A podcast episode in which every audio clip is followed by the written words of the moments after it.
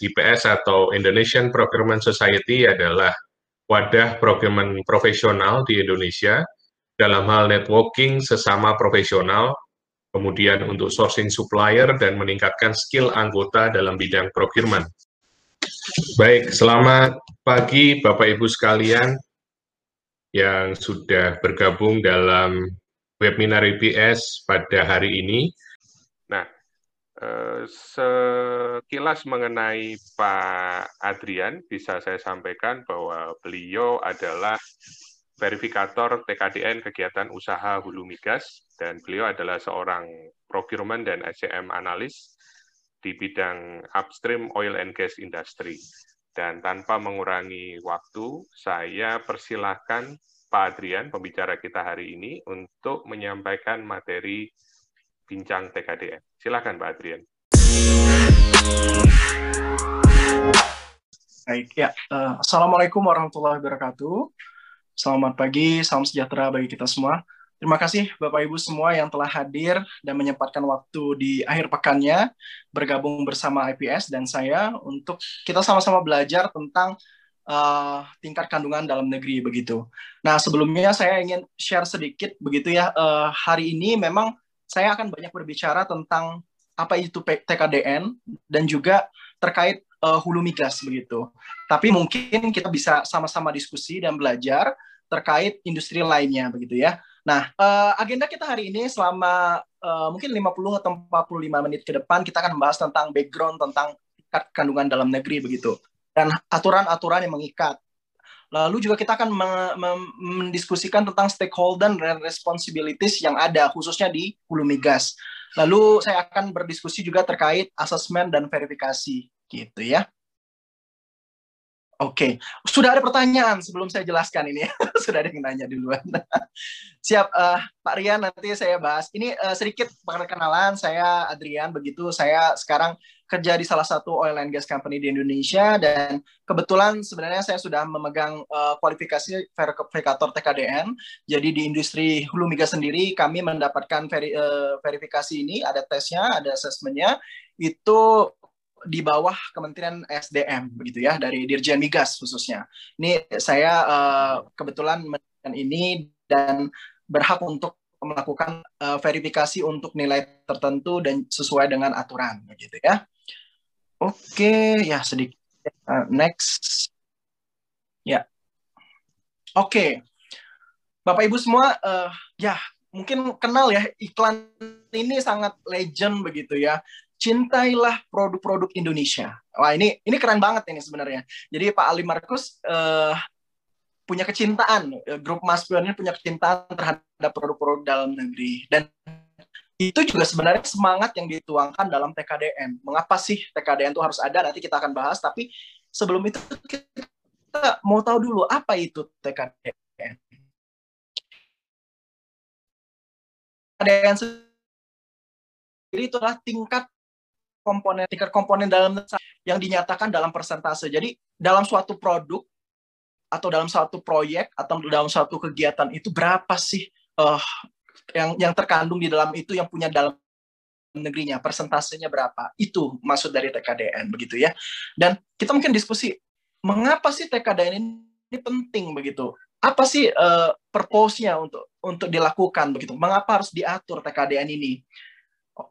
Oke langsung kita masuk Iya. Oke. Ternyata kebijakan TKDN ini tidak hanya diterapkan di Indonesia, tapi diterapkan di seluruh negara di dunia, begitu ya. Jadi dia bertujuan untuk melindungi industri di dalam negara tersebut. Memang Bapak Ibu tahu kalau sekarang kita perdagangan itu udah lintas batas begitu ya, tidak tidak ada lagi batasan seolah-olah begitu. Nah, tapi Pernah berpikirkah kita bahwa itu berisiko juga? Bagaimana dengan produk kita di dalam negeri begitu? Contoh seperti tekstil. Itu biaya-biaya uh, biaya pekerja di Vietnam ataupun di China atau India mungkin lebih murah dari di Indonesia. Bayangkan kalau misalkan itu kita buka sebagai ada itu kita bisa import mematikan industri negeri. Nah, oleh karena itulah setiap negara mempunyai kebijakan proteksi terhadap uh, industri dalam negeri mereka sendiri yang dinamakan dengan TKDN ini salah satunya. Nah mungkin bapak lihat di sini ada di di Amerika dibilang save our jobs by American terus atau British made begitu ya, uh, made in Indonesia atau misalkan di Malaysia sokonglah uh, produk Malaysia begitu ya di Australia seperti itu juga begitu dan ini diterapkan di seluruh dunia. Ini semangat dari TKDN itu untuk apa? Ini ya salah satunya. Terus seperti yang saya bilang tadi menumbuhkan industri nasional. Jadi kita pengen bahwa ada ada multiplier effect dan juga uh, gimana ya istilahnya itu kita bilangnya itu yang membus mereka untuk semangat tetap berproduksi di dalam negeri. Nah, kalau di hulu migas, ya ini kita nggak usah bahas terlalu panjang uh, tentang apa itu cost recovery atau enggak gitu ya. Ini kita uh, yang yang akan kita ungkapkan adalah bagaimana semangatnya ini. Di sini ketika kita menerapkan TKDN di, di penyedia jasa atau penyedia barang itu kita bisa bisa menaikkan pajak misalkan begitu ya. Pajaknya semakin naik karena pajak ini bisa menaikkan TKDN iya karena pajak semua pungutan pajak itu nilainya 100% untuk dihitung-hitungannya. 100% misalkan ada kita impor barang misalkan ada pajak apa bea masuk bea masuknya itu proporsi bea masuknya itu tuh 100% begitu. Atau pajak apa misalkan PPH, pajak penghasilan. Even itu orang asing, misalkan dia udah lama tinggal di Indonesia, berapa lama gitu ada aturannya, dia bayar PPH misalkan. PPH itu diakui 100% Indonesia. PPH-nya ya, jadi uh, proporsi PPH-nya. Terus juga kita membuka lapangan kerja. Ya, dengan kita membuat uh, pro terhadap industri dalam negeri, kita juga membuka lapangan kerja. Terus juga mungkin kita uh, fabrikasi begitu. Uh, contoh kayak misalkan uh, apa sih kayak casing tubing begitu ya. Mungkin bahan baku dari luar, tapi kita fabrikasinya di Indonesia itu bisa meningkatkan begitu, meningkatkan uh, nilai TKDN-nya dan itu menciptakan multiplier effect yang panjang begitu. Ya sama kayak industri material juga sama begitu ya. Oke, okay, next. Nah, ini yang saya bilang tadi multiplier effect. Jadi ada bahan baku, ada modal, ada tenaga kerja, ada teknologi. Pemerintah membuat uh, aturannya untuk melindungi itu terhadap komponen-komponen ini. Dan inilah yang membuat market driven untuk hulu migas terutama. Ini saya uh, ha sebenarnya hampir sama dengan industri lain, misalnya farmasi ataupun uh, teknologi informasi ya. Uh, elektronika itu semua hampir sama semangatnya seperti ini. Dia pengennya itu multiplier effect dan baik untuk perekonomian nasional. Mungkin Contohnya uh, iPhone. iPhone masuk ke Indonesia. Itu buatan luar negeri. Boleh. Boleh Anda masuk ke Indonesia, jualan Indonesia, tapi penuhi dulu TKDN-nya. TKDN-nya sekian, berapa persen begitu. Nah, untuk memenuhi ini, mereka harus mencari cara bagaimana memenuhinya. Apakah harus bangun pabrik di Indonesia? Hmm, bisa jadi. Ya. Ada juga yang, oh, tipe pabrik kantor contohnya iPhone bikin excellent center, kayak pusat penelitian dan sebagainya, itu juga bisa menjadi penilaian TKDN. Nah, ini yang kita harapkan multiplier effect. Jadi berkembang, jadi uh, kita akan akan akan sehat secara nasional begitu ya. Nah, oke. Okay. Kita ngomongin tentang TKDN. Seperti di awal tadi, komponen atau TKDN itu sendiri terbagi dari tiga. Jadi yang pertama adalah barang aja, barang aja, jasa aja, gabungan barang dan jasa. Nah, semua ini terdiri dari biaya material, alat kerja, tenaga kerja, jasa umum. Ya, itu standar lah. Mungkin yang paham Bapak Ibu juga akuntansi biaya, uh, sorry, akuntansi biaya ya ini komponen-komponennya begitu. Biaya kandungan uh, komponen dalam negeri ini berapa persen terhadap total dari semua barang atau jasa atau gabungan barang dan jasa. Nah, mungkin Bapak Ibu masih bingung apa sih yang dimaksud dengan TKDN barang, jasa, gabungan barang jasa. Gimana kita membedakannya? Nah, setelah ini saya akan menampilkan suatu suatu presentasi dan saya minta partisipasi Bapak Ibu semua ya jawab-jawab saja begitu ya, tidak perlu malu entah benar atau tidaknya kita akan balas uh, bahas sama-sama begitu ya. Nanti boleh uh, dibantu saya tuliskan jawabannya apa ya. Nah, ini contohnya. Sebentar. Lelang. Ada suatu lelang barang yaitu pembelian 5 unit mobil untuk operasional kantor. Beli beli mobil. Jadi kalau beli mobil itu kita beli barangnya. Jadi masuknya kategori barang. Nah, mengapa penting kategori ini? Karena ini akan berdampak kepada penilaiannya bagaimana kalau di hulu migas dan juga form yang akan digunakan apa dan juga target TKDN-nya tuh yang mana. itu itu akan berdampak. Yang kedua adalah sewa mobil. Nah, bedanya kalau pembelian mobil kan kita beli barang nih. Kalau sewa kita beli nggak tuh barangnya? Barangnya itu kita ambil nggak? Berpindah nggak haknya, hak miliknya? Nah, coba uh, Bapak Ibu boleh saya dibantu jawaban nomor dua ini kategori barang, kategori jasa, atau kategori barang dan jasa? Boleh di chat sama-sama, silakan Bapak Ibu. Ya, silakan Bapak Ibu untuk pertanyaan ya, dari Pak boleh. Uh, Adrian, mungkin bisa diberikan jawaban. Jasa, Pak Angga Winorsito, jasa. Luisa, Bu Luisa, jasa juga. Ada lagi, wah jasa, wah jasa. Jasa semua. Wah, ini kayaknya langsung bisa jadi verifikator nih Pak. Benar-benar. Ini ini keren banget ya uh, peserta hari ini Bapak Ibu mau sudah berkecimpung lama begitu di dunia procurement. Benar. Nomor dua itu adalah jasa saja. Karena di sini kita tidak mengambil barangnya, begitu ya, tidak berpindah ke pemilikannya. Tetap milik orang lain, kita menyewa. Menyewa itu berarti jasa. Nah, kita masuk ke yang lelang yang di bawah. Pertanyaan bawah.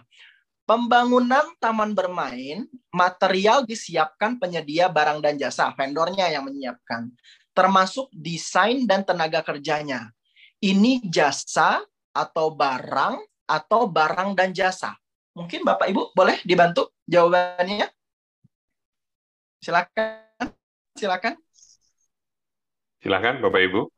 Taman bermain, material materialnya oleh uh, vendornya juga, desain dan tenaga kerjanya juga oleh materialnya. Barang dan jasa, barang plus jasa. Barang plus jasa. Wis, ini keren-keren semua ini udah. Kayaknya saya nggak perlu lagi presentasi ini, Pak. udah paham. ya, Benar sekali Bapak Ibu, 100% ini barang dan jasa. Karena kita ya beli juga barangnya itu kan jadi kepemilikan kita taman bermainnya begitu ya. Dan di sana juga ada ada jasanya jasa pembuatan desain jasa tenaga kerjanya borongan begitu ya. Itu jadi barang dan jasa. Nah kalau kasus kedua nih kita beralih kedua. Mirip taman bermain juga namun semua material tuh dari kita uh, vendornya PBJ atau penyedia barang dan jasa hanya desain dan tenaga kerja. Jadi hanya dia membuat desain taman bermain itu kayak gimana sih. Terus juga uh, tenaga kerjanya.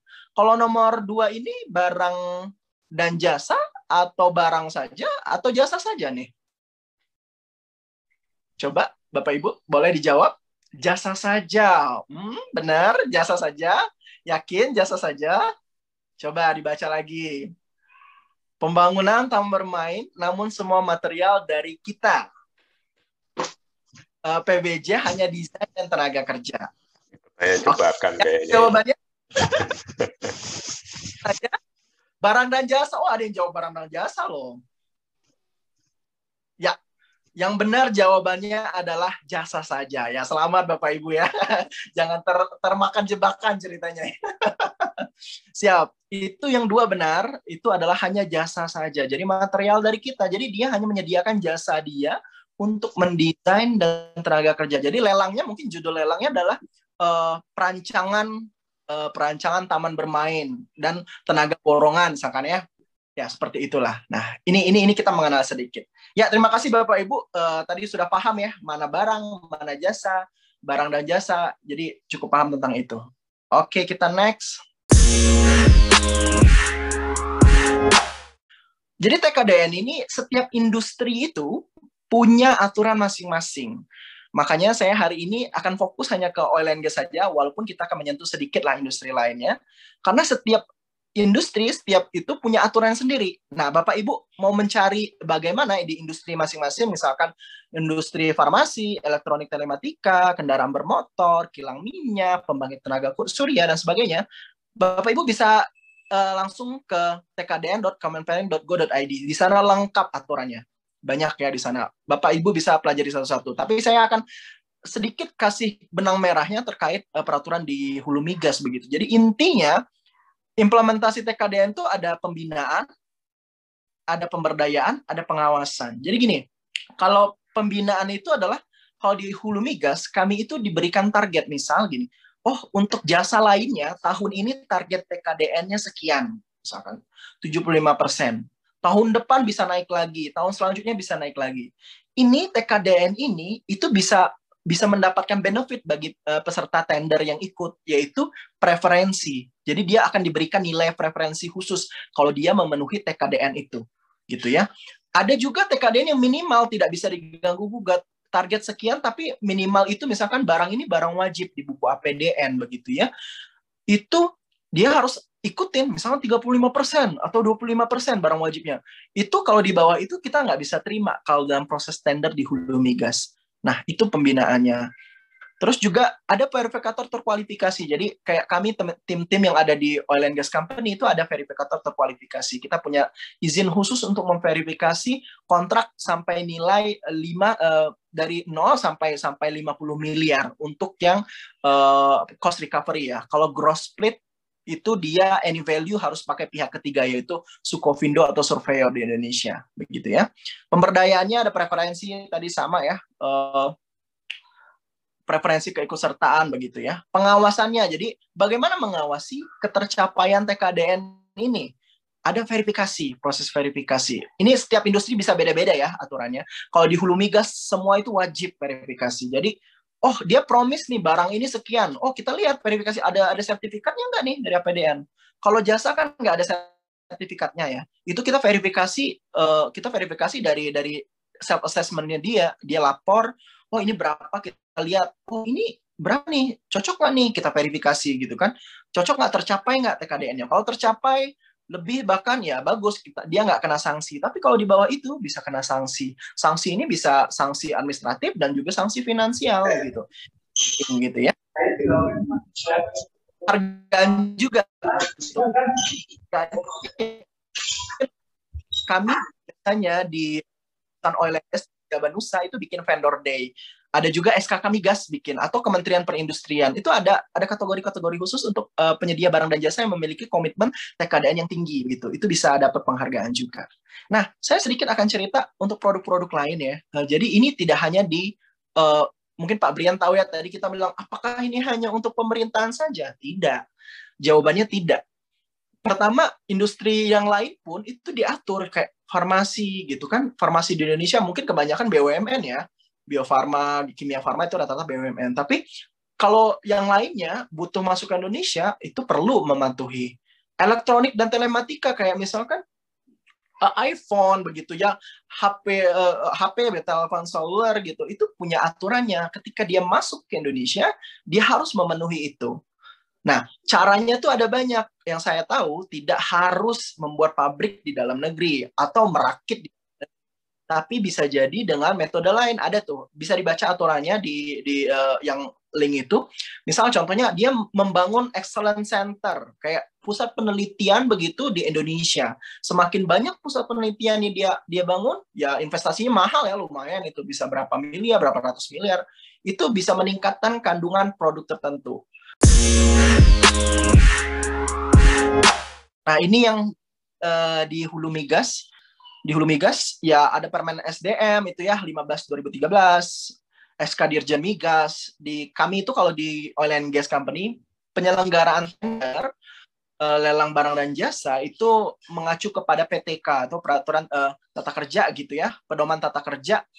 Kayak kitab sucinya lah gitu guidelinesnya kita khusus untuk procurement.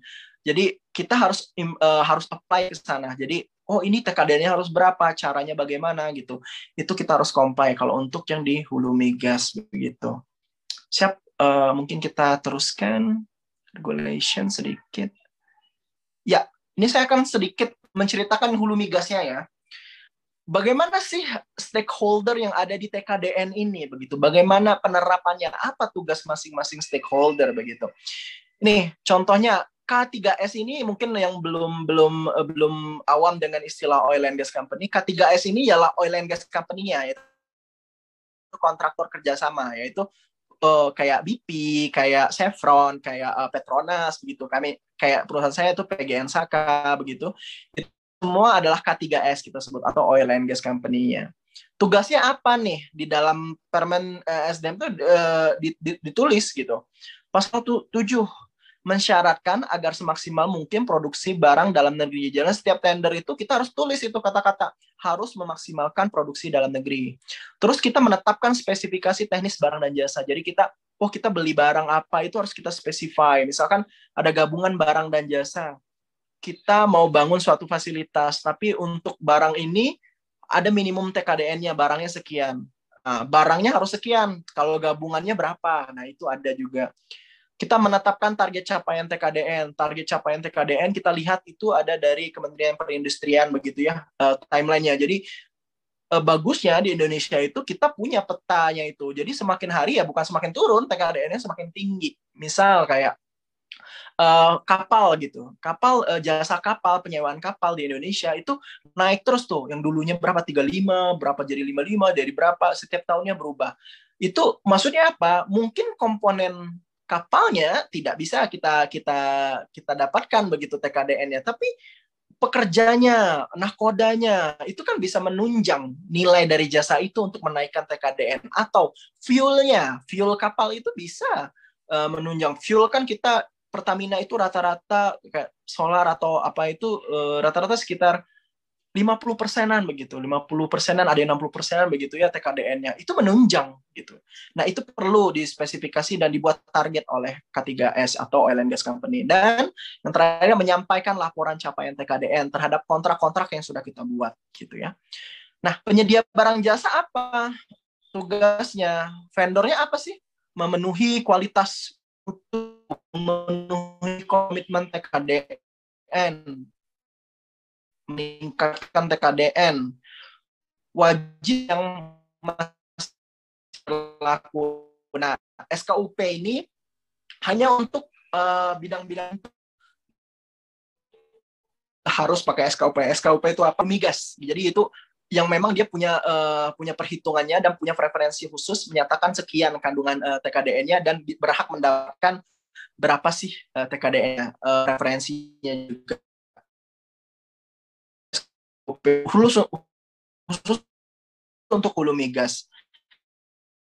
Nah, tugasnya jadi comply dengan dan juga dia harus uh, memaksimalkan apa yang apa yang di, diminta oleh oleh uh, K3S. Di bawahnya ada SKK Migas. SKK Migas sebagai ya istilahnya tuh kayak uh, koordinatornya oil and gas company di Indonesia dan regulatornya juga ya mereka punya tugas menetapkan kebutuhan target capaian TKDN-nya, mengkoordinasi oil and gas company biar kami itu tiap tiap uh, tiap bulan tuh ada laporan oh capaian TKDN berapa, verifikasi TKDN-nya berapa itu harus dilaporkan dan itu harus memenuhi begitu dengan uh, dengan peraturan dan juga target capaian begitu. Karena kalau semisal itu tidak tidak tercapai dan miss ya bisa jadi uh, bisa berimpact kepada cost recovery ya. Jadi kami itu ada ratingnya begitu untuk oil and gas company dari K3S dari SKK uh, eh, dan itu men, uh, itu menjadikan kita berhak berapa sih proporsi cost recovery-nya. Itu bisa berimpact ke sana. Nah, kalau di Jen Migas tugasnya dia adalah menerbitkan SKUP Migas yang tadi ya, surat SKUP Migas tadi. Terus menerbitkan uh, buku APDN. APDN itu apa sih? Uh, apresiasi produk dalam negeri. Jadi buku ini acuan daftar seluruh barang dan jasa di Indonesia atau perusahaan-perusahaannya juga yang sudah memiliki sertifikat uh, eh, TKDN. Jadi, oh ini ya sudah berapa TKDN? Kita bisa lihat tuh, ada ada di sistemnya. Bapak bisa Google juga itu uh, Bapak Ibu bisa Google juga apa itu TKDN dan juga websitenya apa. Kita bisa cek tuh, oh ini barang ini ada loh TKDN-nya di Indonesia sekian. Oh, saya bisa undang nih vendor ini. Nah, gitu. Gitu ya pengawasannya juga begitu ya. Ya, begitu. Terus witnessing ya mungkin witnessing untuk eh, jadi kalau sudah diverifikasi oleh surveyor atau Sukovindo Indonesia biasanya akan dimintakan sertifikat untuk value tertentu untuk value tertentu dan kompleksitas tertentu eh, tender-tender itu perlu minta eh, setelah diverifikasi surveyor atau Sukovindo Indonesia minta sertifikat ke Dijanigas itu bisa diterbitkan nantinya ya